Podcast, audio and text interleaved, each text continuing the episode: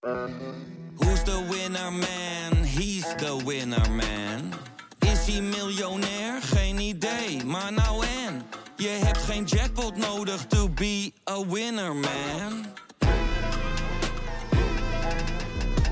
Oh oké, dat is wel lekker man.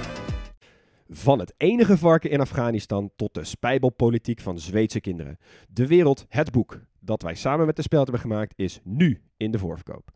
Het is de meest betrouwbare landengids der landengidsen. Het beste boek dat je nooit mag gebruiken bij je eindexamen aardrijkskunde. Ga naar grotepodcastlas.nl slash boek, bestel hem en dan heb je hem eind juni in huis. Hallo en welkom bij de Grote Podcastlas. In deze podcast nemen drie geografen je elke aflevering mee naar één land. Aan de hand van een aantal vaste thema's in drie blokken vertellen we je de mooiste verhalen en de meest opvallende feitjes.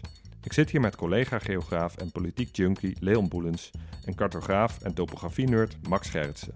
Mijn naam is Hugo Noordman en dit is de Grote Podcastlas.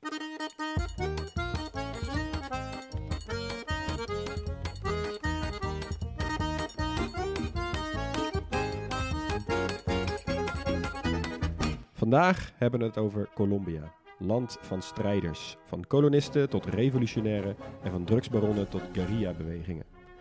De afgelopen decennia waren Colombia's wonderschone tropenbossen en swingende steden het decor van een bloedige burgeroorlog. Maar tegenwoordig wordt er weer gedanst in de straten van Bogota en Medellin. Zelfs de kartels wisten de temperamentvolle Colombiaanse ziel niet kapot te krijgen. Kijken of we die ziel bloot kunnen leggen in deze aflevering. Aan het einde van deze podcast beantwoorden we drie vragen. Waar moeten we dit land verbellen als we een probleem hebben? Wat gaan we missen als het ophoudt te bestaan? En wat zouden wij doen als wij één dag in Colombia zouden zijn? Nou heren, wat, eh, wat waren jullie verwachtingen van tevoren? Ik had heel veel zin om dit uit te gaan zoeken. Ja, hoezo? Ja, ik heb in de afgelopen jaren zoveel vrienden gehad die allemaal naar Colombia zijn gegaan. Ik ben er zelf nooit geweest. Maar ik wist wel dat er iets te halen was. Dus ik vond het echt heel leuk om dit uit te zoeken. Ja, ik ben er, ik ben er dus ook niet geweest. Jij wel, Leon? ik ben er geweest, ja. Ja. Nee, ik ben er ook niet geweest, maar ehm, ik heb wel een tijdje een, eh, een half Colombiaanse vriendin gehad, die me van alles over het land wist te vertellen. Oh, en is eh, waar helaas is het er nooit van gekomen om daar eens naartoe te gaan. Maar ja, ehm, wat dat betreft is het ook wel super interessant om er wat meer in te verdiepen voor deze podcast. Ja, ik ben er eh, vier jaar geleden ben ik er geweest, uit mijn hoofd. Ja, het is echt, nou, ja, het is echt een fantastisch land. Maar je hebt wel natuurlijk een aantal dingen waarvan je weet... oké, dit ga ik heel veel tegenkomen in mijn onderzoekjes, in mijn research. Daar kom je vanzelf wel heel snel achter, denk ik. Maar eh, ja, ik zou zeggen, laten we, laten we beginnen. Ja, zin in. Leuk. We beginnen altijd even met een paspoortje. Puur wat basisinformatie om even iets meer te weten te komen over het land. En dat jullie even weten waar we het over hebben als we Colombia bespreken. Nou, de relatieve ligging van Colombia het, het ligt in de noordwesthoek van, van Zuid-Amerika. Eh, en het is eigenlijk de grens met, eh, met Noord-Amerika. Het grenst aan Panama, dat is dus de grens. Verder grenst het aan Venezuela, Brazilië, Ecuador eh, en Panama dus. En het is het enige Zuid-Amerikaanse land dat zowel grenst aan de Grote Oceaan als aan de Caribische Zee. Oh ja. Nou, de oppervlakte is 27 keer Nederland, dus het is echt een, een heel groot land. Eigenlijk zijn alle Zuid-Amerikaanse landen eh, wel heel groot, zo ook Colombia. En het is ongeveer net zo groot als Zuid-Afrika en Ethiopië. Het aantal inwoners is 49 miljoen, dus bijna drie keer Nederland. En de hoofdstad is Bogota. 8 à 9 miljoen mensen wonen daar. Nou, de taal is Spaans. En dat brengt me meteen ook even op de meest voorkomende achternaam. Meestal doen we er drie, maar nu doen we er tien. Want dit zijn ongeveer de meest Spaanse achternamen waar je ooit over na hebt gedacht. Dus ik wil graag even een klein quizje met jullie, eh, met jullie houden. Welke tien namen staan er allemaal in? Rodriguez. Nummer 1. daar was ik ook mee begonnen. Eh, Sanchez. nummer 8. Torres. Nee, Dat is Spaans, toch? je bent af. Ehm, Rodriguez. Juanes? Nee, jullie denken het te moeilijk, mannen. Martinez. Martinez is nummer 2. Ehm, Lopez. Zeker, nummer 5. Natuurlijk, ja. Je moet gewoon denken aan... eh, Gomez. ja, Gomez is nummertje 4. Dus dat Is gaat er ook nog iets goed. zonder Z op het eind? Eh, nee. ja, Oh. ja, eentje. ehm, Bernal. Nee, helaas. Verklap het maar. nou, vanaf nu ga ik jullie even helpen. Jullie misten nog Garcia, Natuurlijk. eh, Hernandez, González, Perez en Ramirez. allemaal stuk voor stuk echt classic Spaanse achternamen. Dus ehm, nou ja, ik denk heel veel landen die we gaan, gaan bespreken, krijgen we dit beeld te zien. En ik, maar resteert nog even de vlag. Eh, dat is eigenlijk een driekleur, eh, horizontale banen. Maar niet zoals Nederland. Eh, de helft van de vlag is geel, dus de bovenste helft. Dan krijg je een kwart blauw en een kwart rood. Nou, tot zover het paspoortje. Laten we beginnen met de echte aflevering.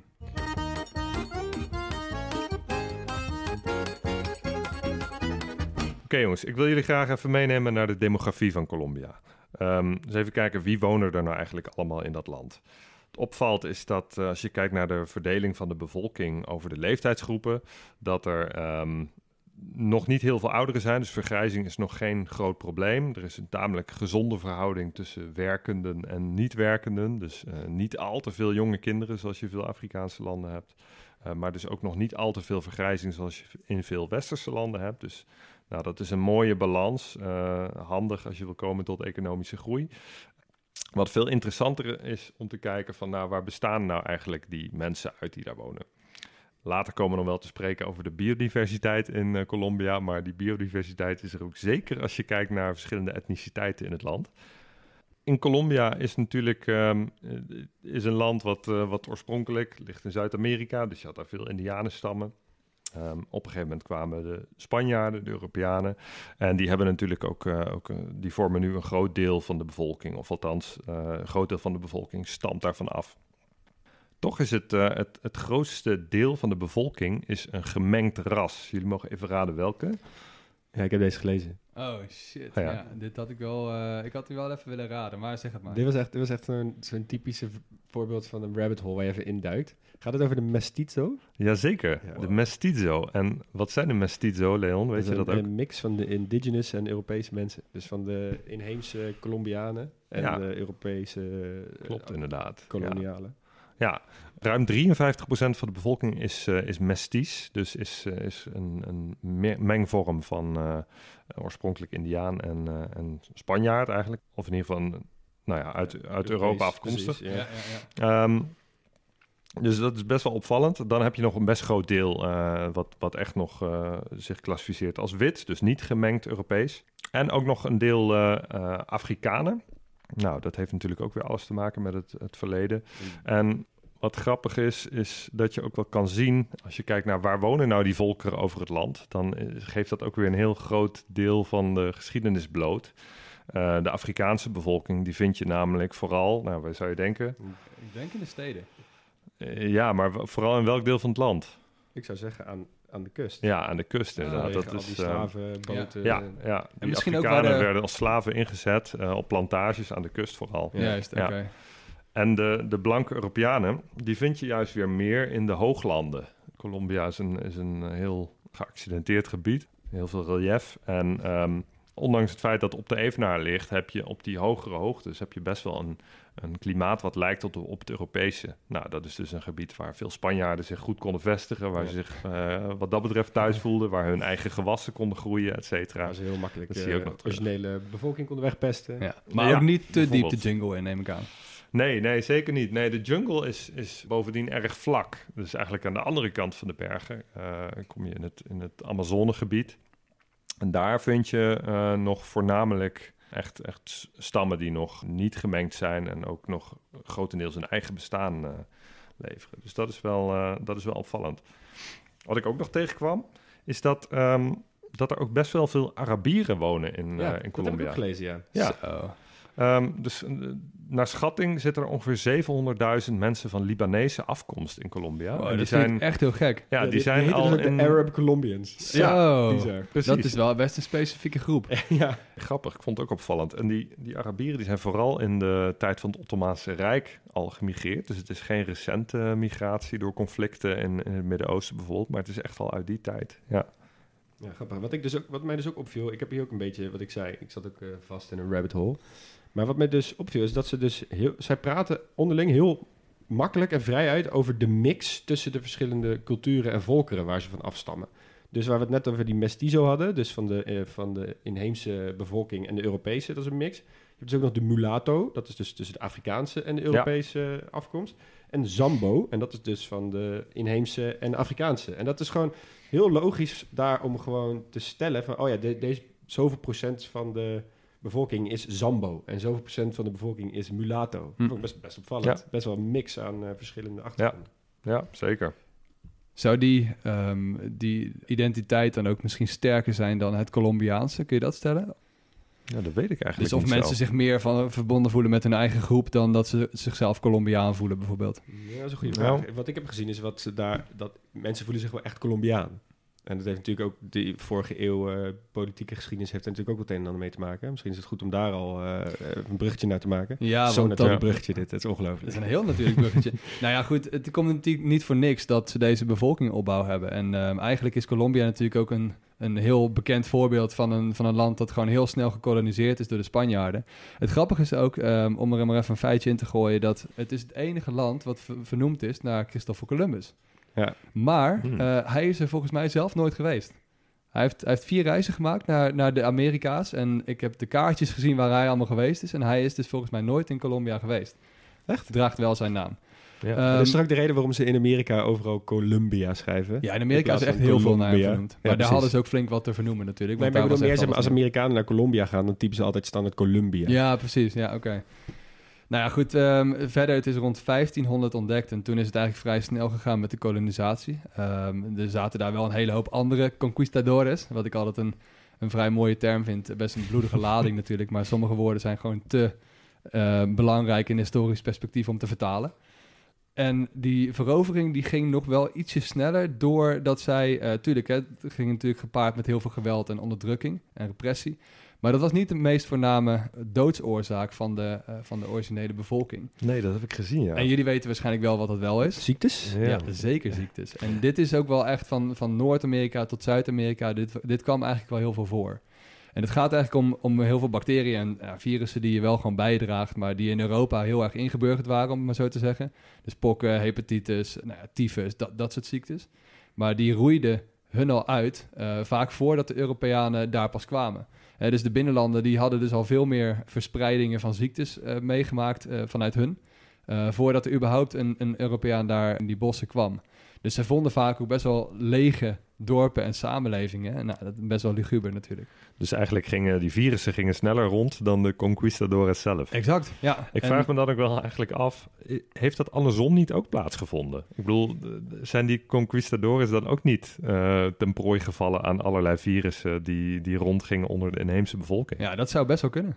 Dat, Maar is ehm, toch ook, dit valt toch ook onder het grote vraagteken wat ze hebben bij het, eh, het einde van die grote rijken die er op andere plekken op dat continent waren. Die, de Azteken en zo en die Inca's, dat die al grotendeels, die grote steden, die waren al helemaal, eh, hoe zeg je dat, helemaal leeg. ja, daar hadden ze vaak heel die weinig eh, moeite mee. Spanjaarden daar eh, kwamen om dat allemaal over te Niet Ja. overal natuurlijk, maar volgens Ja. mij was dat wel inderdaad op veel plekken dat ze echt dachten, wat, wat is hier gebeurd? Ja. Ja. Nou, nog een reden waarom het eigenlijk heel snel ging met die kolonisatie. Dat was El Dorado. De goud, eh, goud, de goudstad van goud. Ja, dat is, ik vond het echt heel, heel, heel tof om te lezen. Het is een soort mythisch goudland. Eh, en het was eigenlijk een soort mythe die rondging door de lokale bevolking. Die vertelde altijd over een bepaalde koning. Die, die, die nam een bad in een meer. En als hij eruit kwam, was hij altijd helemaal goud. En toen dachten ja, mensen, die zagen meteen met grote dollartekens in hun ogen. Ja, rond die tijd natuurlijk niet, maar Peso eh, tekens. pete- peso-tekens. Eh, die moesten daarheen. Dus het was echt een, soort, een, een mega grote goudkoorts die op gang kwam. En daar is echt... Er zijn hordes mensen tot da- diep in de 18e eeuw hebben gezocht naar dat meer. Eh, echt tot aan Brazilië en Suriname. Maar het is natuurlijk nooit gevonden. Eh, zelfs Alexander van Humboldt heeft daar nog gezocht. ja, mee hè? Hm. En, Wel ehm, vriend van de show, geograaf. vriend van de show, ja. Die heeft eigenlijk gevraagd of we dit wilden gaan maken. Ja, precies. toch? En daarna is het eigenlijk meer een soort metafoor geworden voor iets waar je dus je leven lang naar kunt zoeken. En waarin je eh, geluk zal vinden, welvaart, liefde of succes. Het is dus een waar Eldorado. Het heeft eigenlijk een beetje dezelfde lading gekregen als de Holy Grail uh, of Shangri-La bijvoorbeeld. Dat soort, Ja, uh, dat ja, soort ja. termen. Dus dat komt allemaal uit, uh, uit Colombia. Interessant. Nou goed, uh, zal ik even een sprongetje maken naar nog een uh, hele bijzondere um, historische figuur. Simon Bolivar. Ja, uiteraard. Mm. Bolivar, moet ik eigenlijk Mm. zeggen. Ja, Ja. Bolivar. Is eigenlijk geboren in Venezuela, maar kwam via Europa. Uh, hij is een tijdje naar Europa geweest ook. En toen raakte hij eigenlijk heel enthousiast over de Franse revolutie en de Amerikaanse revolutie. En toen werd hij ook heel, heel kritisch op de Spaanse overheersing in Zuid-Amerika. Nou, teruggegaan en heeft hij eigenlijk vanuit Colombia heeft hij zijn grote verovering ingezet. Uiteindelijk uh, nou, leider geworden um, van het gebied van Groot-Colombia. En dat omvatte eigenlijk Colombia, Venezuela en Ecuador. Een stukje Panama ook. Nou, dat is eigenlijk eh, helemaal uit elkaar gevallen weer, waarna eigenlijk die landen hun, hun huidige grenzen kregen. Maar hij is dus ook wel in Zuid-Amerika echt een heel groot figuur. Dat zul jij misschien in je tijd ook wel, eh, wel Ja, zeker. eh, Ja, gemerkt hebben. Je ziet echt overal standbeelden van die vent. Eh, volgens mij heet Venezuela officieel ook de, de Bolivariaanse Republiek van Venezuela. Ja, ze hebben ook echt vereerd naar hem. de, de munteenheid heet ook de Bolivar. Precies. Hij is En- gewoon een beetje de Willem van Oranje van, eh, van die regio eigenlijk. Ja, Maar als ik het goed begrijp, Bolivia is naar hem vernoemd. Ja, ook. maar is, is dat dus een land waar hij eigenlijk minder mee te maken heeft gehad dan bijvoorbeeld Colombia, wat vernoemd is naar Columbus, die daar ook weer niet zoveel mee te maken had. dat zou best wel kunnen, ja. Want Ja. volgens mij heeft bijvoorbeeld een land als Colombia of Ecuador heeft veel meer aan hem gehad dan Bolivia. Maar toch eh, heeft hij als, als eh, inspiratie gediend. Dan moet ik zeggen, ik weet niet of ik heden ten dagen heel blij zou zijn met het feit dat de Venezolaanse munt naar mij vernoemd zou zijn. Maar dat is een ander verhaal. Ik spring even anderhalve eeuw eh, naar voren. Dat is ehm, eigenlijk halverwege de jaren eh 60 ongeveer van, van de vorige eeuw. Dus eh, 1960 ongeveer. Toen begon de Colombiaanse burgeroorlog. En dat is het deel van de geschiedenis van Colombia dat de meeste mensen het beste kennen. Eigenlijk door één persoon. Daar komen we zo meteen wel over te spreken. Uh, maar die burgeroorlog was eigenlijk een deel strijd tussen de overheid en heel veel actiegroepen, zowel links als rechts, en tussen de drugsmafia. En nou is er natuurlijk één grote olifant in de kamer waar we het over moeten gaan hebben. Want je moet het toch wel over Pablo hebben. Senor Pablo Escobar. Ik Ja. denk, en dan mogen jullie kijken wat je daarvan vindt, maar ik denk dat hij dus de grootste schurk is, misschien wel uit de wereldgeschiedenis, die niet een leider van een land was. Oeh, dat vind ik wel een interessante stelling.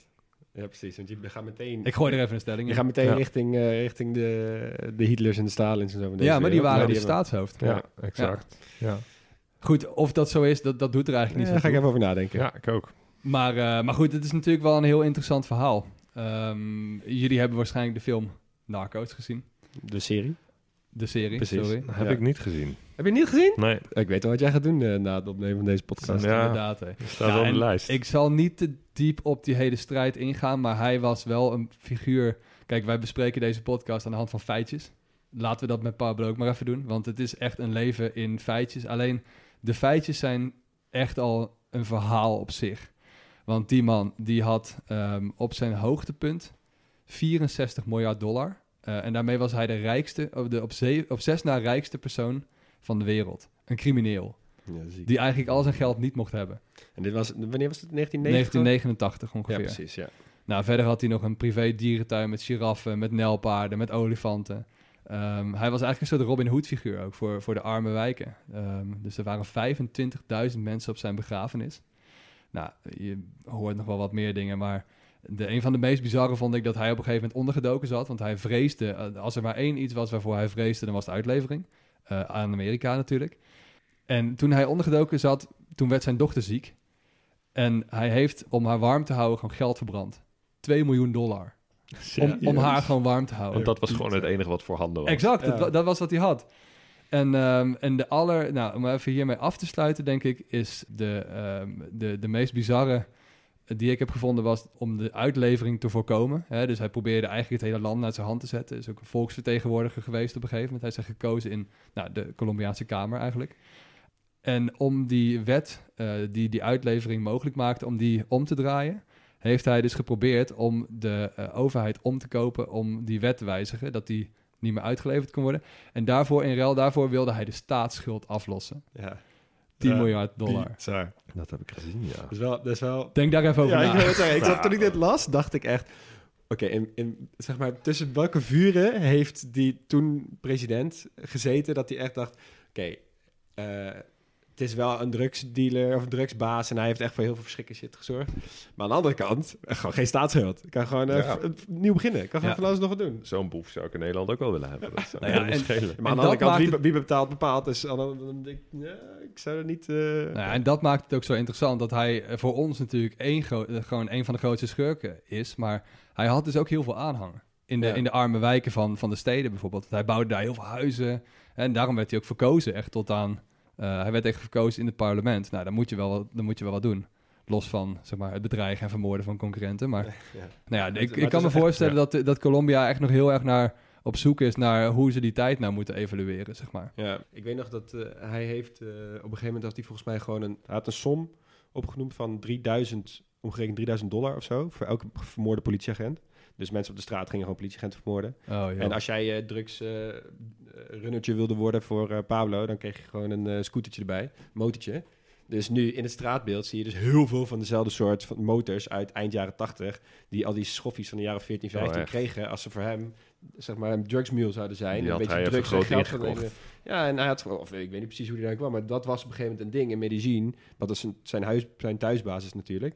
Of natuurlijk, dat was zijn thuisbasis. En daar, ging hij, eh, daar heeft hij dat gewoon gezegd van... oké, als jij bij mij komt, krijg je motor, krijg je geld... en dan doe je gewoon je dingen. En zo hield hij eigenlijk die hele, die hele wijken... en al die eh, pueblos hield hij best wel onder de duim. Ja. Goed, Ja. op, zeg maar voor hem een goede manier. Die achterban van die hele families... die hebben op een gegeven moment ook... die hadden alleen maar inkomen uit drugsgeld. Dat is een probleem wat je nu bijvoorbeeld ook in Mexico nog heel veel ziet. Daardoor is het niet zo makkelijk om te zeggen... oké, verbied maar alle drugs... Want dan in één keer stort gewoon een heel economisch systeem van een klein dorp, stort, van verschillende dorpen, stort gewoon helemaal in elkaar. Want het is het enige inkomen voor hele gezinnen. Ja. Ja, wat ga je dan doen? Ga je, het sociale vangnet is niet zo groot. Ja. Dus het is echt, het, is, het zit altijd veel, het is veel lastiger dan zeg maar die war on drugs waar veel politici het over hebben. Het, zit niet, het is niet zo makkelijk als dat. Nee, maar zeker in die tijd natuurlijk, toen er gewoon eh, ja, de doorsnee bevolking in Colombia nog een stuk armer was dan nu. Dan, ja, dan is het, kan je heel makkelijk gevoelig worden voor dit soort giften, waarmee je vervolgens eh, eh, ja, deel van, van de organisatie wordt eigenlijk, als Ja. runner of als iets. iets Ja, en je wordt ook meteen ambassadeur. Hè? Dus op Ja. het moment dat iemand, zeg maar, ik bedoel, jij hebt natuurlijk weer een baas boven je en die heeft weer een baas boven zich. Maar dat- je wil altijd een hand boven het hoofd houden van die mensen. Ja. Dus als Pablo dan in het publiek zegt: Oké, eh, deze politieke partij is mijn tegenstander. of alle politieagenten zijn mijn tegenstander. Oké, nou dan zijn dat dus ook jouw tegenstanders. ja, Ja, en dat maakte dat conflict ook zo moeilijk. Want hij was natuurlijk in strijd en met de overheid en met... Want hij zat dan zelf bij het Medellin-kartel. Hij was ook in strijd met het Cali-kartel, hè, eh, zijn grootste concurrenten. Maar er waren eigenlijk nog twee groepen die daar ook in die burgeroorlog iets, iets te maken hadden. En dat waren die, die linkse en rechtse eh, milities, hè, die de guerrilla's. Eh, de rechtse zijn niet zo heel bekend, maar de linkse, die ken je natuurlijk wel. Zeker.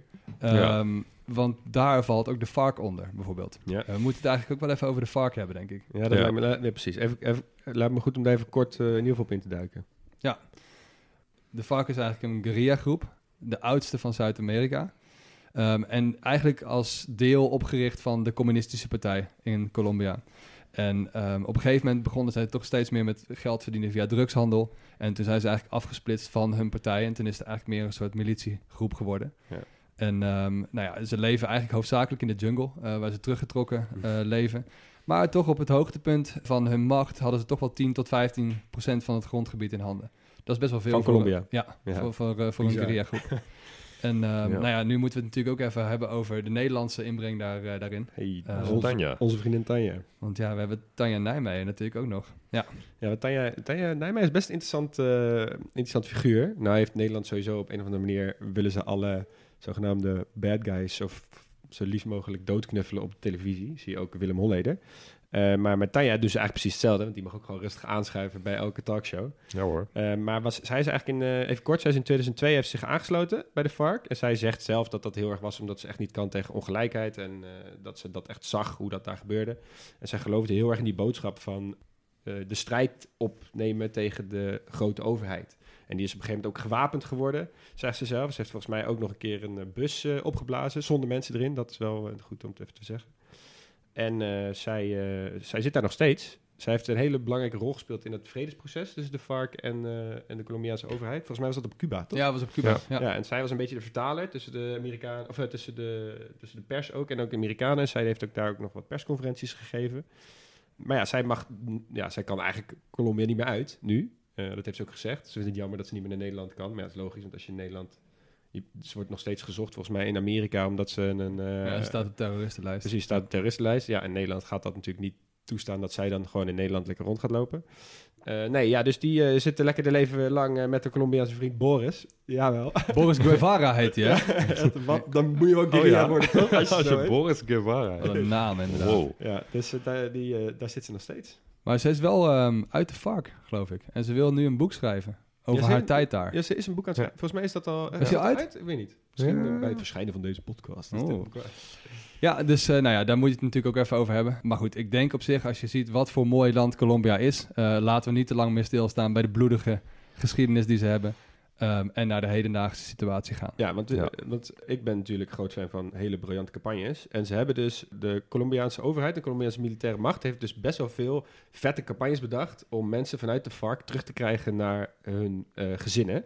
Want ze hebben bijvoorbeeld eh, tijdens kerst, wisten ze, oké, dan zijn die strijders heel vaak alleen. Die voelen zich dan het meest, de meeste afstand tot hun gezinnen. Dus ze hebben op een gegeven moment in eh, 2010 hebben ze op de wegen, de militaire wegen richting zeg maar allemaal verschillende varkkampen, waar ze wisten dat die gasten altijd heen en weer gingen, hebben ze gigantische kerstbomen neergezet met allemaal kerstlampjes en ballen erin en dat soort dingen. Nee joh. Ja, en Ik heb dat gelezen, eh, ja. Ja, dat is echt Met, heel met kom, kom naar huis voor kerst en dat soort boodschappen. Precies, precies. Ja. En Wow. ze zeggen, zeggen zelf dat het een succes was, omdat er dus eh 331 guerrilla's zijn eh, opgestapt richting de overheid, zeg maar. Dat was 30% meer dan het jaar daarvoor. Dus hebben ze het jaar daarop, weer met kerst, hebben ze Operations Rivers of Light gedaan. Dat vind ik echt fantastisch. Wat ze eigenlijk hebben gedaan, ze hebben gewoon de moeders van guerrilla-strijders, van wie ze wisten die in die regio zaten, hebben ze een fotootje van zichzelf en een kort fotootje van die moeder en die guerrilla-strijder en een kort verhaaltje in een balletje gedaan, een doorschijnend balletje met een ledlampje erin. En die hebben ze gewoon in de rivier gegooid die afwaarts liep naar het kamp van de guerrilla-strijders. Dus zij kregen dus allemaal van die lichtballetjes in hun kampen langs het water met gewoon boodschappen daarin van hun moeders. Wauw, wat een verhaal joh. Ja, ik vind Ja. het echt fantastisch. Dus die, eh, eh, toen hebben er 180 Kria eh, mensen zijn weggegaan, waaronder dus een belangrijke cel waarin de grootste bommenmaker van de, van de vark zat. Dus ook dat was ook een eh, succes. Dus zeg maar, voor elk eh, verschrikkelijk verhaal rondom vark zit er ook weer een mooi verhaal, Ja. vind ik aan de, aan de andere kant. Ik dacht ook dat, zij, dat ze ook wel allemaal al amnestie konden krijgen, toch? Ja, ze hebben wel een paar van dat soort programma's gehad, inderdaad, ook met het inleveren van wapens, zonder dat je daar een eh, probleem mee had. Dus ze, ze proberen ook dat, Ja. natuurlijk. Dat proberen ze weer op een andere manier eh, te regelen. hè. Zo, wat een interessant verhaal joh. Ja, echt wel.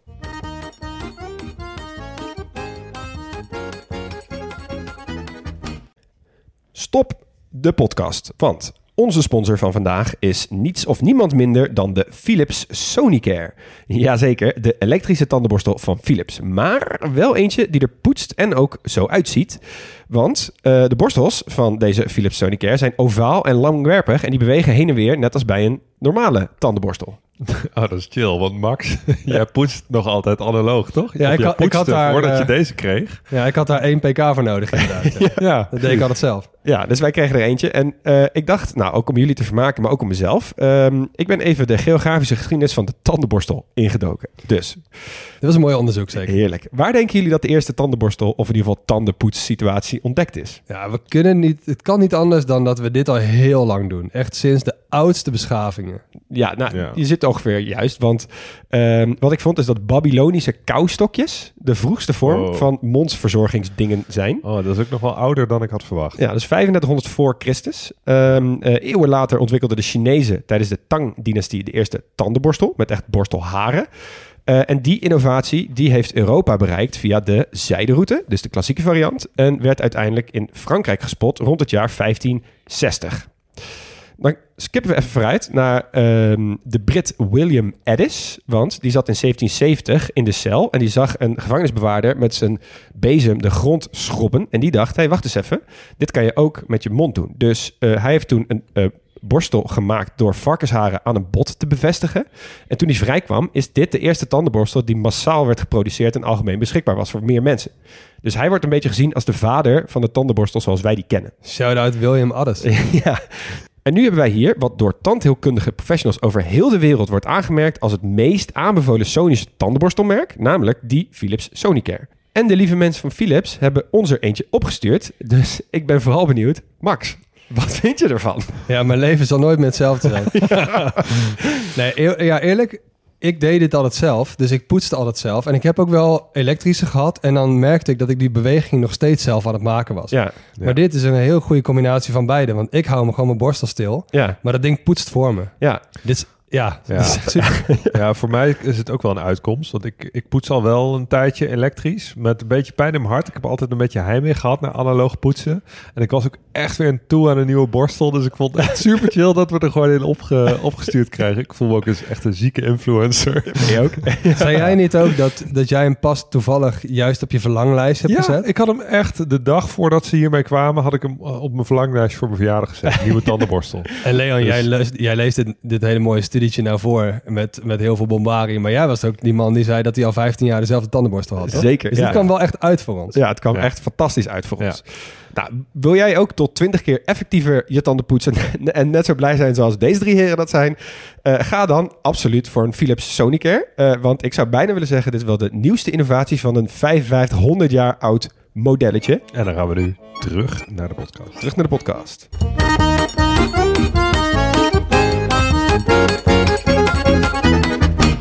Oké jongens, tijd om ons even wat verder te gaan verdiepen nog eh, in dit land. Ik heb eens even gekeken naar de, de fysische geografie. Dus eigenlijk alles wat niet met, eh, met de menselijke bevolking en het menselijke doen en laten te maken heeft.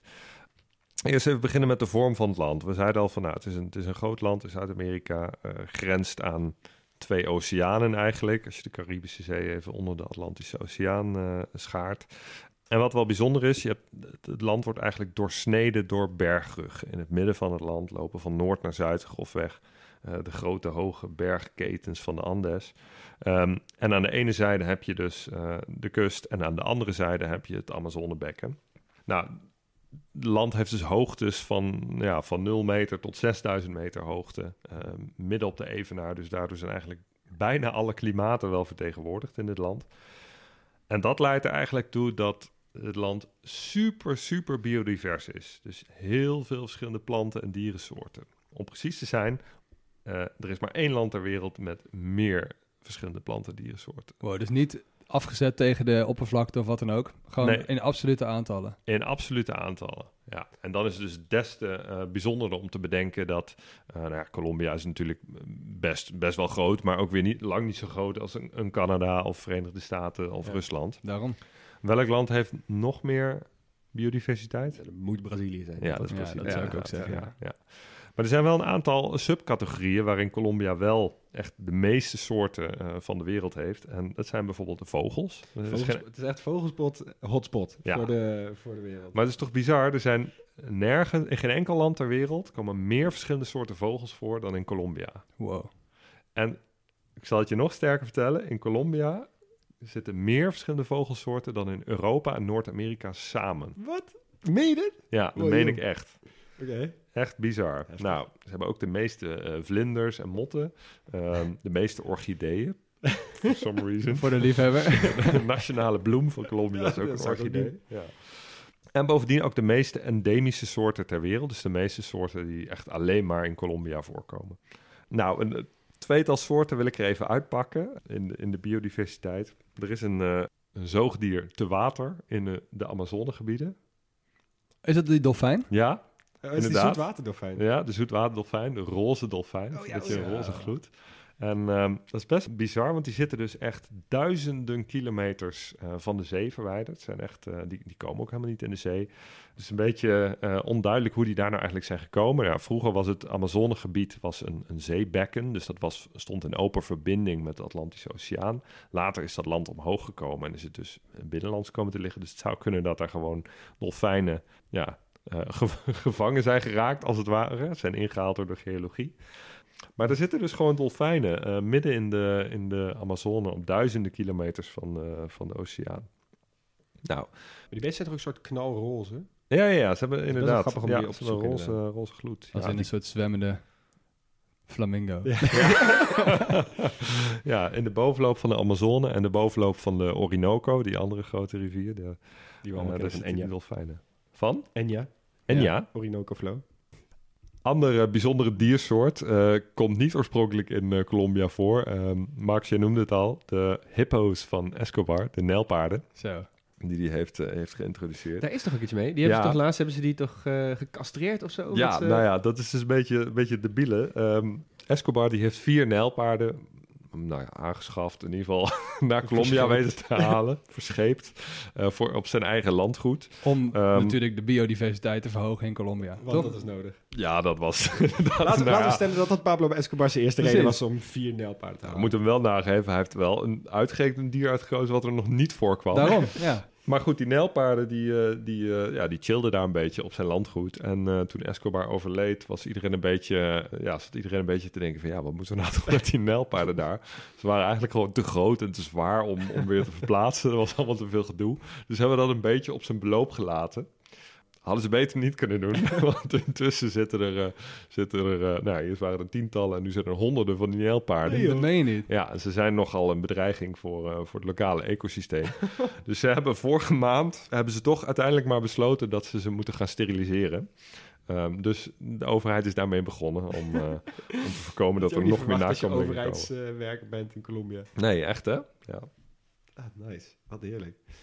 Ja, die, eh, verschillende die biodiversiteit en die verschillende soorten vogels zorgt natuurlijk voor één belangrijke inkomstenbron. Toerisme. Toerisme. Ze hebben daar echt mega veel ecotourisme, die wildlife, safari dingen. En zij zeggen altijd, eh, ze laten, zeg het, ze pro- profileren zich altijd als een, eh, een onbekende ingang tot de Amazone. Omdat je daar niet als eerste aan denkt natuurlijk. Ja. heb ik meteen een quizje voor jullie. Van Noord- en Zuid-Amerika. Op hoeveelste staan zij, denk je, in het aantal inkomende internationale toeristen in 2019? Van Noord- en Zuid-Amerika Ja. samen? Ja. Vijfde plek? Ik weet wel dat hun aantal toeristen per jaar met 12% groeit. Wat krankzinnig veel is. Ja. Maar toch denk ik dat ze wel nog niet, zo- ja, nog niet heel extreem hoog staan. Ik zeg tiende. Tien is precies goed. Echt? Ja. Lekker.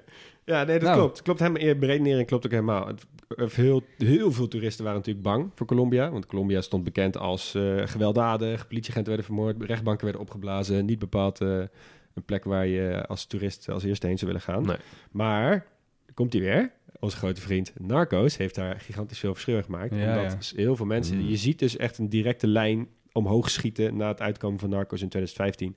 Met het aantal eh, binnenkomende toeristen. Zo, wat sick. Hè, dan, maak je, Ja. dan maak je een dikke documentaire over je grootste schurk. En wat, wat doen mensen? Ja. Moet ik ja. heen? Ja, precies. Maar mensen Ja. gaan het dan googlen en dan komen ze vanzelf wel achter. Ja. Eh, nee, dus dat viel mij eigenlijk best wel eh, tegen. Maar na de uitleg viel het me eigenlijk best wel mee. En wat mij ook is heel, heel erg is opgevallen... is dat zij dus eh, een van de meest gay-friendly places van Zuid-Amerika zijn. Of eigenlijk ja, zelfs van heel Latijns-Amerika. Oké. Ja, je hebt daar dus de grootste gay-friendly club, zogenaamde Theatron of Theatron.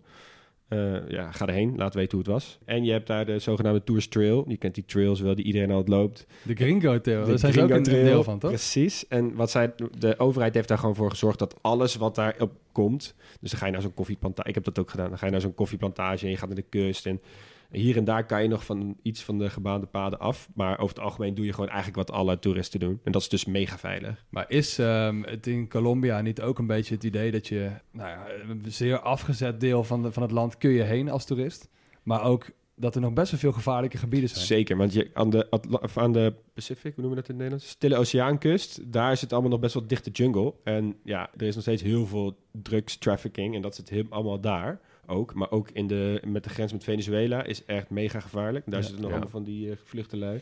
Maar er zijn ook gewoon heel veel gebieden waar je überhaupt niet zo makkelijk kan precies. komen. Nee, en daar zitten vooral die, zeg maar, die Ja. guerrilla-bewegingen. Of gewoon die drugsdealers. Die zitten gewoon midden in, die, eh, midden in het oerwoud. Wat je Ja. volgens mij ook niet moet proberen, is over land van Panama naar Colombia reizen. dat klopt. Want eh, dat is ook zo'n zo'n strookje eh, oerwoud waar een heleboel dingen gebeuren, maar niet de dingen waar je mee te maken wil hebben als je toerist bent. Ja, Nee, precies. dat, heet, dat deel heet volgens mij de Darien Gap. Goed, ik, ik ben natuurlijk topografie-nerdje hier. Ik Hm. vind dat dus echt een heel interessant stuk.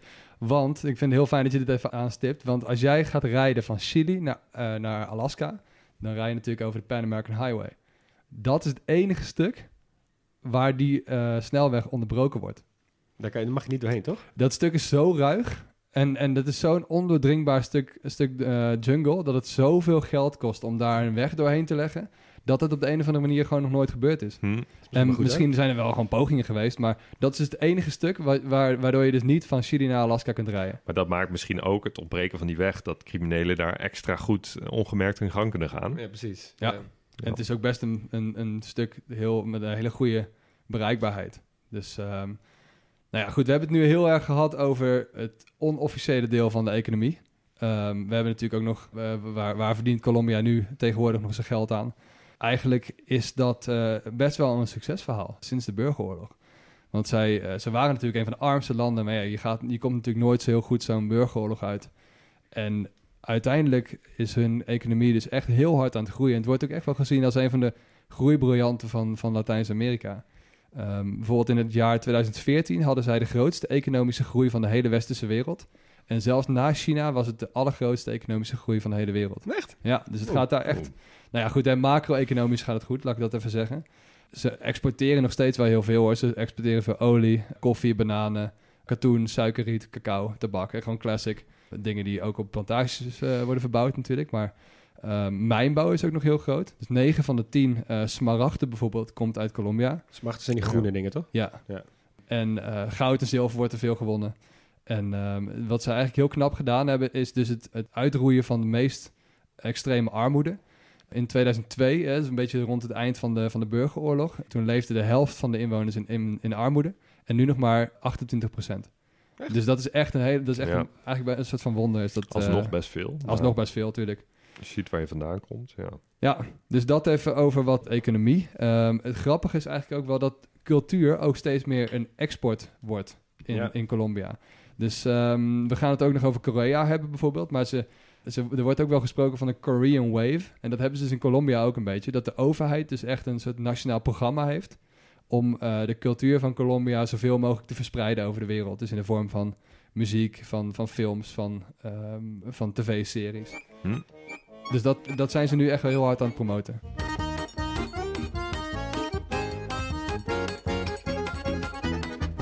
Nou, dan zijn we dan toch aangekomen bij eh, wat eigenlijk iedereen's eerste associatie is bij Colombia. Namelijk de serie Narcos. Ja, Noord, jij zei al, je hebt hem niet gezien. Eh, Nee. Ik zou hem aanraden om te zien. Ook het Mexicaanse broertje nu. Maar in Colombia waren ze er niet zo blij mee met de serie. Ehm, dat heeft ermee te maken... Het is natuurlijk hun grootste bad guy... en eh, hetgeen wat het meest heeft getekend de afgelopen jaren. Maar Pablo Escobar zelf is, wordt gespeeld door een Braziliaan... met een best wel Braziliaans accent. Hey. Dus dat, komt al, dat is al heel raar. Zijn vrouw is Mexicaans. Zijn eh, business associate, zeg maar, zijn, zijn, zijn, zijn broeder is P, is Puerto Rican. En zijn rivaal is, eh, die, die Jorge Ochoa speelt, wordt gespeeld door een Braziliaan. En er zijn heel veel niet-Colombianen, dus ze zijn daar echt... Jezus. Nou, Ja. bedankt voor dit reclamepraatje. Ik Ja. heb nu echt zin om te kijken. Ik heb namelijk ik echt een schurfthekel aan, aan series die niet gespeeld worden door mensen eh, uit het land waar ze zich afspelen. Maar Hug, jij hoort dat niet, joh. Ik wou net zeggen dat Braziliaanse ja, maar nu Spaans- weet ik het. Ja, nu weet je. Ja, dat het is is waar. misschien wel hetzelfde als je een, een, een serie gaat maken over de ontvoering van Freddy Heineken. En dat je dat dan door een Duitser laat doen. Ja, precies. Exact. Maar daar heb ik er nog een paar voor je, waardoor je denk ik niet gaat kijken. Want zoals je weet is Narcos echt zo'n Hollywood-productie. Dus het wordt echt heel erg vanuit de Amerikaanse blik bekeken. Eh, spo- kleine spoilers, eh, maar in ieder geval de DEA-officers eh Peña en Murphy die de hoofdrol spelen... die hen wordt net iets meer eh, heldhaftigheid en eh, rol eh, gegeven dan dat ze in het echt hebben gehad. Want in het echt was het, zien heel veel Colombianen, maar ook heel veel geschiedschrijvers het zo dat de Amerikanen het eigenlijk veel erger hebben gemaakt. Doordat ze zoveel inmenging in eh, die hele cultuur er hebben gehad. En heel veel van die legermensen precies op hun manier wilden gaan trainen. En heel veel actions, tussen aanhalingstekens, van die politische acties eh, hebben laten plaatsvinden. Waardoor heel veel onderzoek en heel veel eh eh, afluisterjaren gewoon vernietigd zijn gegaan. Door één actie van de Amerikanen die weer iemand dood hadden gemaakt. Dus eh, die, die zijn daar niet heel blij mee. En Narcos heeft, of, eh, Netflix heeft dat ook toegegeven zelf. En die zijn dus toen ook bezig geweest. eh, dat was een beetje toen ik daar was. Met een soort Een rectificatie of zo. Precies, een soort rectificatieserie, documentaire-achtig iets. Maar ik heb daar verder nog niks van gezien. Ja, dan is het leed toch ook al geschied, toch? Ja, precies. Dus, eh, dus dat, dat, zij vonden dat wel jammer, maar uiteindelijk zijn ze volgens mij, zeg maar, in de long run zijn er wel heel veel mensen die daar nu heen zijn gegaan, ook mede door die serie. Dus uiteindelijk heeft het ze denk ik ook wel iets meer gebracht dan dat het heeft gekost. Ja. Ehm, dan even weer een quizje voor jullie. Iets anders. Hoeveelste staat Colombia, denken jullie, in landen met de meest Spaans sprekende mensen? Oeh. Ik ga hier niet eens over nadenken, want ik heb net 10 gehad, eh, 10 en, en dat was, dat was gewoon goed. Dus ik ga gewoon weer voor tiende. Nou, ik denk wel wat hoger hoor. Ik denk eigenlijk ook wel hoger. Ik denk, ik denk wel vierde of zo. Er staan dus nummertje 2. Oh, nee joh. Na, wie staat op één? Mexico. Mexico. Mexico staat op één. Wie staat op drie? Spanje. Spanje. Ja. Vier, Argentinië? klopt. En vijf? Nou, ik doe het toch beter dan ik dacht. Ik denk Peru. Peru. Nee, Eh, Venezuela? nee, Verenigde Staten. Ah, Oh, ja, joh. ja, tuurlijk. tuurlijk. Nee, die, eh, dus die, eh, op een of andere manier heb je echt moeilijk veel Spaans sprekende mensen daar. Maar je hebt dus meer dan 100 talen die ze daar spreken. Ook meer dan 100 verschillende soorten ritmes. Eh, en dat is meteen een berichtje naar iets anders. Want eh, die ritmes is iets wat in Colombia heel belangrijk is. Ze noemen Colombia ook wel het land van de eh 100 ritmes. En dat, heeft dus, dat slaat op hun muziek en hun verschillende soorten inmenging van inheemse instrumenten met dingen uit trommels uit Afrika en fluiten uit Europa. En weet ik het dat ze allemaal nog meer hebben gevonden. Maar ze hebben echt, hoeveel soorten mensen hebben, hebben ze ook zoveel soorten muziekstijlen. Zo. Cumbia komt daar ook vandaan, toch? Cumbia, precies. Cumbia, eh, wereldberoemd gemaakt door niemand minder dan Ja, je gaat het nu zeggen. Shakira. Oh, valt dat ook onder de Shakira, Cumbia, ja? Shakira heeft heel veel Cumbia-nummers, in ieder geval live. Dus heel veel trommels. Precies. Altijd, dat is het datzelfde, ja, altijd datzelfde trommeltje. En eh, nu eh, zijn er allemaal weer nieuwe soorten muziek die overal vandaan komen. En artiesten die overal doorbreken. Waarvan een van de bekendste, ik denk niet dat jullie hem kennen, J Balvin. Nee. Het is echt fantastisch. Ik denk niet dat hij een illustratie van had. Maar als je dat hoort, daar is het echt heerlijk. Het is een soort, soort Colombiaanse Sean Paul meets Pitbull. Eh, en ja, hij maakt nummers met alle grote der aarde. Met de Beyoncé's en, eh, en de Dua Lipa's van deze wereld. Nou, ik Maar- achter, eh, merk ik. Nee, dat is, dat is niet. Ik heb dat daar ook. Ik, nou, toen ik daar was, even persoonlijke anekdote. Toen ik daar was, toen was net, was net twee maanden nadat Despacito was gelanceerd. Nou, ik weet niet of je de Despacito Ah, ja. craze nog kan herinneren. Het was letterlijk overal. Dus Ja, je werd joh. ochtends wakker en dan stond er iemand in je dorm, was gewoon Despacito aan het fluiten. Liep je naar buiten, was iemand de straat aan het vegen met een radiootje met Despacito. En dat komt omdat ze hebben daar overal muziek. Elk winkeltje heeft muziek, maar over, allemaal buiten. Mensen die zelf artiesten op straat. Iedereen speelt gewoon muziek. Het is daar overal. En ze vinden dat zelf ook heel belangrijk. Ze noemen zichzelf ook heel erg trots loud people. Ehm, Hmm. en Ze nemen je ook tot echt ver diep in de, in, de, in de nacht mee naar allemaal verschillende plekken waar live muziek wordt gespeeld. Het is echt fantastisch. Als je van de verschillende soorten muziek houdt, dan moet je daar echt heen. Ik vind dat wel een van de leukste manieren om jezelf loud people te noemen. Ik bedoel, ik ken ook de Nederlandse versie daarvan dat en de manier loud, waarop ja. Britten loud people kunnen zijn. Dus dat, ik vind het wel leuk. Ja, precies. We are very loud people. Ehm, en dan eh één laatste dingetje misschien nog, wat ik altijd heel opvallend vind. Ze hebben dus één soort nationale sport. Eh, het is niet echt een sport, maar ze spelen het wel. Het heet Techo. Ik weet niet of je daar iets over gelezen hebt. Ik heb dat dus ook Nee. gespeeld. Dat is echt... Het is poker moeilijk. Veel moeilijker dan je eigenlijk zou denken. Basically eh, heb je gewoon een soort schuin... Je moet, stel je voor, een soort jeu de. En aan het einde van de jeu de staat een houten plank. En op die houten plank liggen allemaal kleine dingetjes met eh, gunpowder, met eh, buskruid. Oh ja. En wat jij moet doen, is je moet dan een soort zak steen gooien, die je dan eh ver gooit. En daarachter zit een soort, zeg maar waar die landt, daar zit een soort klei. Eh, en op het moment dat die, zak, die steen dat buskruid raakt, dan hoor je zo poef en dan ontploft het. Dat, is, dat is basically het doel. dat is het doel. Ja. Maar dat, is eigenlijk, dat zeggen ze er niet bij. Dat is eigenlijk een soort 50% van het doel. Want de andere 50% is gewoon heel veel bier drinken. Maar heel veel. en aan het einde van die avond staan die lui alleen maar echt soort half dronken via het plafond en het dak met die zakken stenen op dat Op een explosief op plaatje te gooien. En Oh. wij kwamen naar binnen iets te laat en ik zat om me heen te kijken. Wat gebeurt hier? Je hoort echt pof, poef. En verder wordt er gewoon massaal veel bier ingekocht. Maar het is een soort van, soort van ghetto bowling of zo. Ja, zo, ja ghetto bowling zou wel zijn. Ja, het is echt fantastisch. Maar drinken ze veel bier daar? Ja, Is dat- is er dat wordt wel gewoon een beetje wel drank? redelijk- Er wordt wel redelijk wat geconsumeerd daar, ja. en wijn dan? Ik... Ja, ja, zou ik opletten volgende keer als ik er ben. De volgende keer als je er bent. Nou, dan verklap je mij dat je dat al de moeite waard vindt. ja, zeker. Ja, nou ja. Ik heb me dus een beetje verdiept in de, in de keuken. Dus van, van drank over naar spijzen. Nou ja, nog even bij drank blijven dan. Want Colombia kennen we natuurlijk ook allemaal van de koffie. Ja. Colombiaanse koffie is, is wereldberoemd. Komt daar overigens ook niet oorspronkelijk vandaan. Maar is er meegenomen door de Spanjaarden. En eh, zijn ze dat daar gaan telen. Want dat telen, dat gaat daar wel heel goed. Ehm, ze zijn nu zelfs de op twee na grootste producent van koffie ter wereld. Meen je? Na, wederom. Brazilië sowieso. Ja, ja, Brazilië. Maar die andere... Ja, ik, ik, volgens mij weet ik dit. En ik ben daar, poeh, het is twee jaar geleden geweest, maar Vietnam volgens mij. Ja, dat klopt. En, Hoe dan? En niemand denkt volgens mij aan Vietnam. Nee, maar nee. Indonesië of Kenia of zo. eh, er wordt daar dus ook niet hele hoogwaardige koffie verbouwd, maar gewoon wel heel veel apparaatkoffie. Hè? Gewoon automaatkoffie voor op je kantoor. Gewoon de, de, de meuk, zeg maar. Nee, want inderdaad, ke- koffie komt uit Ethiopië of uit Precies, Ecuador of eh, eh, Guatemala, zeg maar echt hè, de, de klassieke tropenlanden. Ja, volgens mij Maar- de, ehm, de, de strijd gaat een beetje tussen Ethiopië en Jemen. Oh, wie Jemen het ook? eerste, het eerste koffieland was. Oh, het eh, oh, zo, wie het eerste Waar het koffie- oorspronkelijk ja, vandaan ja, komt, ja, Ja, sorry. precies. Ja, inderdaad. Ja, oké. Ja, nee, Vietnam. Ik had het absoluut niet verwacht. Maar goed, Ehm ik, ik, of eh, Colombia dus ook een grote speler. Nou, verder, ja, de keuken, dat is niet zo best, jongens. Nee, echt Die staat er echt niet echt onbekend. Oh man, het is Ehm, smerig daar. Ja, eh, en dat is natuurlijk iets heel persoonlijks. Dus ik vind het heel moeilijk te zeggen om eh, eh, van ja, dit is echt helemaal niks. Maar ik heb echt niks. Ik ben niks. tegengekomen waarvan ik denk van nou, dat moet ik eens gaan maken of zo. En ik zat, ik ben vooral gaan nadenken van ja, hoe, hoe kan dat nou? Vinden mensen daar dan niet belangrijk hoe ze eten? Maar het is waarschijnlijk ongetwijfeld zo dat Colombianen zelf wel heel trots zijn op hun eten en het misschien wel heel lekker gaan vinden. Maar ik denk de reden waarom wij al snel zoiets hebben van hmm, dat komt omdat het veelal eh gerechten zijn met ingrediënten die wij kennen. Dus mais, aardappelen, rijst, bonen. Gewoon niet, niet hele bijzondere dingen. Geen dingen die heel ver van ons afstaan. Maar dan in combinaties waarvan wij denken, huh? En op momenten van de dag waarop Ja. wij denken, huh? Ja. Zo ontbijten ze bijvoorbeeld wel- wel eens met een melksoep. Waar ze dan een, eh, een ei in dompelen. Nou ja, goed, ontbijten met melk en eieren is niet zo gek. Maar op die manier is voor ons wel een beetje ongewoon. Maar Leon, ik, ik was even benieuwd.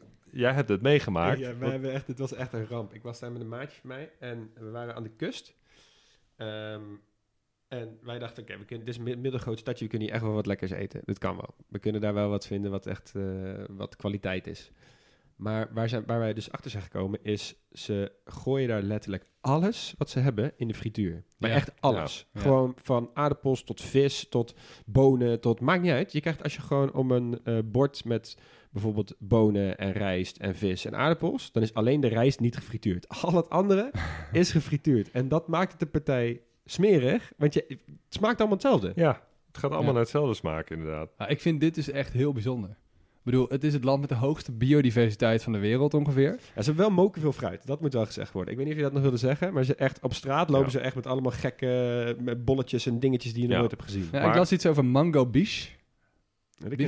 Ja. Eh, mango strips met limoensap en zout. Ja, dat lijkt me dan wel weer heel Precies. lekker. Ja, kijk, Ja. de fruitkant is dus echt super lekker. ja, maar dat is niet koken. Want Precies. wat doe je niet met fruit? Koken. Fruit schil je en ik denk dat de. Colombianen ook wel een fase hebben gehad waarin ze fruit gewoon in, in de...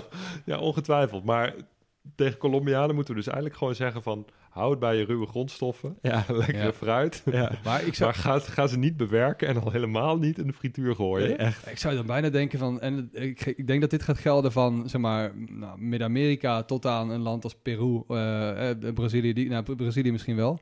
Maar als alles er groeit, waarom kunnen je dan niet wat moois maken? Ja. Maar ja, nogmaals, het is natuurlijk heel persoonlijk. Hè? Maar vond jij, is daar ook geen sprake van een eetcultuur of zo? Zoals je bijvoorbeeld in, in het Midden-Oosten, hè, daar, daar zie je van alles op straat en Ja, ze, doen, ze doen daar alles op straat. Hè? Dus, Dat- ja, ja. dus zeg maar van eh, dansen tot eh, fruit verkopen, tot eh, de t-shirts kopen. Alles gebeurt op straat. Ja, maar is, people. is eten, Ja. voor zover jij hebt gemerkt, een belangrijk ding? Een belangrijk ja, onderdeel van het leven? Ja, eh, wat ik me nog heel sterk voor de geest kan halen, is dus zo'n zo'n heel klein plaatsje aan de kust, eh, in de buurt van Tairona. Eh, daar, het enige wat ik voor me zie is gewoon overal van die plastic stoeltjes. Je weet wel, van die witte ja. ja. dingen. En Ja. zo'n plastic tafeltje waar dan gewoon zo'n zout- en peperstelletje bij staat. Dat had echt net op de camping hier in Zeeland kunnen zijn. Eh, en daar eh, werden dan gewoon van die flappen van het ge- gefrituurde vis neergezet. En mensen werken dat naar binnen en vervolgens zitten ze met z'n allen tanken ze liters bier weg en aguardiente, namelijk hun, hun eh, national booze. Ja. Eh, en dan gaan ze dansen. That's it. En zo nu en dan komen ze dan terug naar een tafeltje en dan pakken ze daar gewoon weer wat eten of wat dingetje, een beetje zoals de tapas, zeg maar. Maar dan gewoon aardappels of whatever. En dan gaan ze weer verder met dansen. Dus ze gaan, het is geen tafelcultuur of zo. Nee, Lekker natafelen en Ja. praten. Ze willen gewoon Ja. dansen en muziek maken. Nou ja, met dansen verbruiken je natuurlijk ook veel energie. Dus dat verklaart misschien dat ze veel vet gefrituurd eten. Ze gebruiken ook heel veel suiker eh, in, in ingrediënten, viel me op. eh, dat groeit er dan wel zag. Ja, dat groeit er wel. Ja, precies. Maar dat, dat gebruiken ze dan ook nou, zeer eh, rijkelijk. Nou goed, van keuken. Nou, misschien wel het grootste eh, volksvermaak dat er is. Eh, we moeten het ook even over de sport hebben, toch? Ja, ik, En, ik heb best wel veel eh, Colombiaanse sporters. Ja, dat wilde ik even Ja. jullie vragen. Van, wat denken jullie nou dat, Com- dat Colombia goed in is? Want eh, ze doen toch best wel wat. Ze kunnen een aardig potje voetballen, toch? Ze kunnen ook aardig potje wielrennen. Ja, waar wil je het eerst over hebben? ja, nou, deze, even deze twee. Ja, wielrennen. Wiel, wielrennen is wat, wat korter. Ehm, nou ja, je hebt natuurlijk Oeran en je hebt natuurlijk Quintana. Ja, je hebt echt best wel goede, goede wielrenners. Bernal. Maar het grappige is dus dat zij op de ehm, Spelen... Hoeveel keer hebben ze goud gewonnen, denken jullie? Spelen, maar ja, het is een wegwedstrijd. Hè? Je hebt wel... Ik weet dat Oran, die heeft een keer het gigantisch uit handen gegeven. Volgens mij was dat in Londen tegen Vinokorov. Ja. Was het Oeran? ja, dat was volgens mij Oran. Die Dat zat gewoon de verkeerde kunnen. kant op te kijken toen uh, Vinokorov dat uit zijn wiel achteraf toch wel sprong. dat mensen toch zoiets hadden van... eh, hier is misschien wel een handje in het geld Ja, ja, het leek zo stom. Ja. Echt een stom om waar te zijn. Ja, volgens mij, En afgelopen jaar won Carapaz, maar die komt dan weer net niet uit Colombia. Nee, Carapaz is Ecuadoriaan, ja. Dus? Ik Ik denk, denk echt één of twee ik kan me er geen bedenken. Ik denk nul. Ja, goud hè? Of eh, überhaupt of goud? Ja, altijd hè. Gewoon alle, alle dingen All-time Spelen. goud. Oh ja, maar ja, Geen Maar- idee. Colombia is ook nog niet zo heel lang een heel groot wielerland. Nee. Overigens, eh, als je, als je daar rondrijdt, je ziet dus echt vet veel mensen op een wielrenfiets. Ja, ja. En het is echt geen meter vlak daar. Nee, nee, dat zal. Nou, ik ga jullie gewoon even ik, ik helpen. ken er geen, Ja. dus ik zeg nul. Eh, het zijn er vijf. Hey. Toch? Ja, maar niet ehm, met eh, heel veel wielersport zoals jullie het kennen. Maar je hebt wel eh, de meest eh, succesvolle sportster op te spelen is Mariana Pajon. Dat is een BMX'er. Meen je? Ja, en die, Oh. zij, zij, zij heeft twee keer goud gewonnen al en één keer zilver. Dus een zij vieze heeft ook echt... strikvraag voor jou, Max Schertsen. Het Wat zeg je? is gewoon een vieze strikvraag. Het is een hele. Friese strikvraag. Maar nou ja, goed, ze zijn dus ook wel goed in wielrennen. Maar ja, eh, niet zo'n eh, hele Olympische sport. Winterspelen? Eh, Oeh. Ik denk eh, nul. Eh, helemaal nul. Ja. Ja, eh, twee keer meegedaan pas ook. Dus eh, daar Oh, hebben ze dat, niet veel dat te dan nog wel. Ja, dus je kunt daar wel een soort leuk eh, cool runnings verhaal van gaan maken ooit. Maar nee, goed, zij hebben dus Maar nooit... hebben toen, eh, ehm, maar toen even, zeg maar... sorry dat ik je onderbreek, maar even terugkomend op, eh, op eh, het wielrennen. mhm. Want Bernal, zeg maar hun grote held die nu, de, weet ik veel, hoe vaak heeft hij de Tour gewonnen? Eén keer, Eén keer? Wanneer was dit? Twee jaar geleden. denk het. Toen stond dat hele land ondersteboven. Die gasten zijn zo wielerfan, Hm. dat is echt niet te doen. Dus ik kan me best wel voorstellen dat die BMX'er inderdaad, dat zij echt best wel populair is in dat land. Ja, absoluut. Juist ja. omdat die wielrenners daar echt...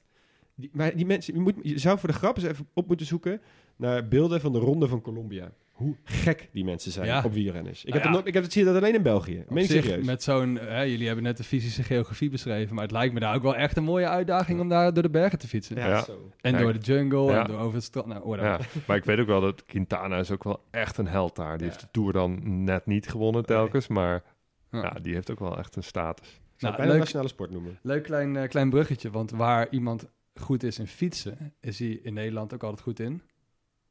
Schaatsen. Exact. Oh ja, natuurlijk. Ja. Maar ja, wat hebben ze daar niet? IJs. IJs.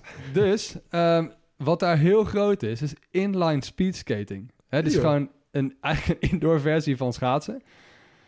Sinds 2011 is Colombia elk jaar wereldkampioen geworden. Je? Ja. Dus ik kan me ook echt niet voorstellen hoe die scene werkt. Maar ehm, dus die, dat, dat bruggetje tussen eh, fietsen en schaatsen, dat bestaat ook in de tropen. Maar dan heb ik een idee voor het, eh, het, het NOC-NSF van eh, Colombia, of hoe dat dan daar ook heet. Eh, Hoe moeilijk kan het zijn om een overdekte hal te bouwen en eh, die, eh, die, die rolletjes even om te wisselen voor eh, messen? En dan komen die wintermedailles er ook aan. Op zich voor de schaatsport vind ik het wel een keer leuk als daar een keer een tropisch land tussen komt. Tuurlijk. Ik zie uh, Nairo Quintana wel een soort Shimizu van de, van de hoge landen. ja. Nou, dat zou fantastisch zijn. Dus laten we deze als- aanbeveling gebruiken. Eh, moeten we het daarna ook nog even over voetbal hebben natuurlijk. 2014 eh, was hun hoogtepunt. En eh, daar hebben ze het best wel goed gedaan op, de, op het WK. Dat was het WK in Brazilië. Toen hebben ze de kwartfinale gehaald. Eh, wie was hun topscorer toen? Games. Ja, James en hij was de ook topscorer van het hele toernooi. Ben je? Heftig hè? Ja, Ehm, hij Wat is van... wat is nu met hem? Hij zit zeker ergens in China. Nou, hij ging Nou. toen, na, na het toernooi ging hij naar Real Madrid voor heel veel geld. Ja, en daar heeft hij er bijzonder weinig van gebakken, dacht ik. Ja, dat is best een mooie samenvatting. ja, hij is voor eh 80 miljoen is hij van Monaco naar, eh, naar Real gegaan, maar nooit echt basis gespeeld. Is hij naar Bayern gegaan, ook nooit echt eh, heel goed gedaan. Optie tot koop is ook niet ingewilligd. En waar speelt hij nu? Ja, jullie gaan dit natuurlijk nooit raden. Kerala Ehm, Warriors. Al Rayan in Qatar. Ehm, nou, volg eh, verder even nog een paar Colombiaanse voetballers die jullie misschien wel kennen. Je hebt Carlos Valderrama. Ja, met grote Ah, ja. haarbos. De witte gullit. Ja. Geniaal. Eh, nooit heel erg, ja, hij is wel heel erg bekend gewo- geworden, maar nooit heel veel in Europa gespeeld. In ieder geval niet bij topclubs. Eh, ja, ik vind zijn hoofd lijkt eigenlijk een beetje op een het instant noodles eh, bakje.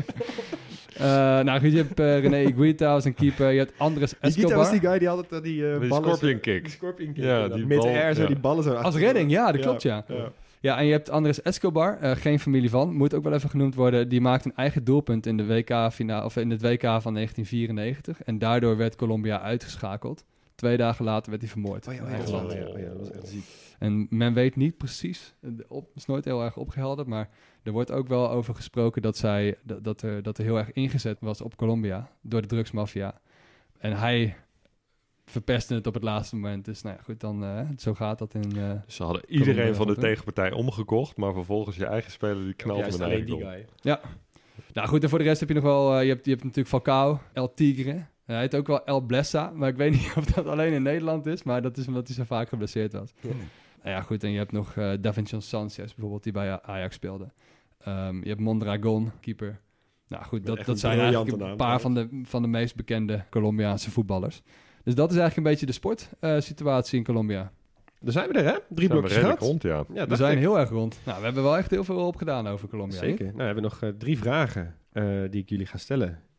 Beginnen we bij vraagje 1. Wat gaan wij missen als Colombia nu ophoudt te bestaan? Heel veel beesten Ja. gaan we missen. We gaan heel veel beesten missen, inderdaad. Ja. En we gaan natuurlijk die roze nelpaard gaan we missen. Of die, Nee, die de roze dolfijn, dat is, ja, precies, die gaan we roze missen. dolfijn. Ja. Nijlpaarden, die zitten ook nog wel ergens anders. Ja, Sterker klopt. nog, die, eh, die zitten er binnenkort, als het goed is, niet meer. En ik ga dan ook wel, ik heb, no ik heb ze nooit gezien in het echt, maar ik ga ook wel de loud people missen. Toch? dat is Ja. toch een, Ja. het is een fantastische cultuur. En Shakira gaan we toch missen? Dat is, eh, Shakira gaan we zeker Ik ga missen. ze ook Nou, missen. ja. Dat Shakira is er eentje voor het volgende puntje, Ja. denk ik. En Tanja Nijmeijer gaan we ook missen. ja, precies. Toch wel ergens een beetje. Ja, waarschijnlijk wel. Ja. En vraag 2. Als wij een probleem, als Nederland een probleem heeft, waar moeten wij Colombia voor bellen? Nou, Ik, ik denk dus als Nederland een probleem heeft met, met onze top 40, laten wij dan Shakira bellen. Ja, zeker, zeker, zeker. Maar ik denk dat, eh dat Colombia ze ook kan helpen met in stand houden van de wildpopulatie op de Oostvaardersplassen. Want eh nou, nijlpaarden castreren, dat, eh, als ze dat kunnen, kunnen ze ook wel wat, eh wat damherten afschieten als die er te veel zijn. Misschien kunnen ze hier ons ook iets leren over het in stand houden van de biodiversiteit. Ja, en ik denk op zich dat, Dat als zeker. wij een keer willen leren dansen, dan moeten we het van Colombia leren, toch? Ja, dat denk ik ook wel. Ja. Ja, dan brengt het bij de laatste vraag. Als je één dag in Colombia mag doorbrengen, wat ga je dan doen?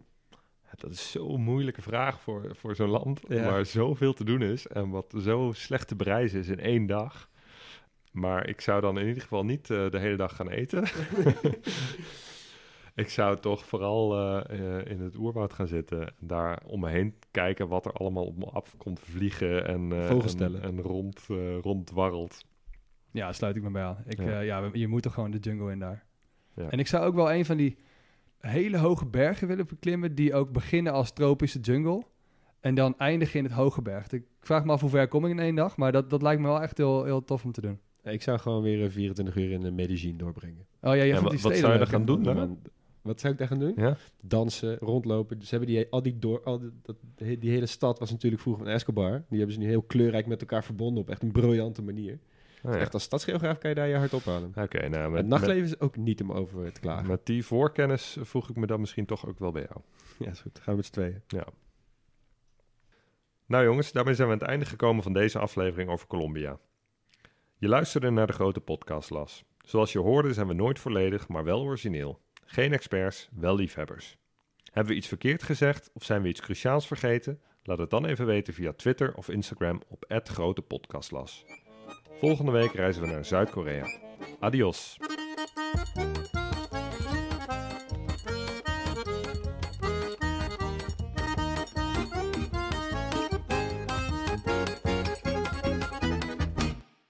Yo, luisteraar, luister je nog steeds? Klasse man, je hebt er gewoon helemaal afgeluisterd. Nou, nu je tot hier bent gekomen, koop dan ook gelijk even ons boek hè. grotepodcastlas.nl slash boek. Doei!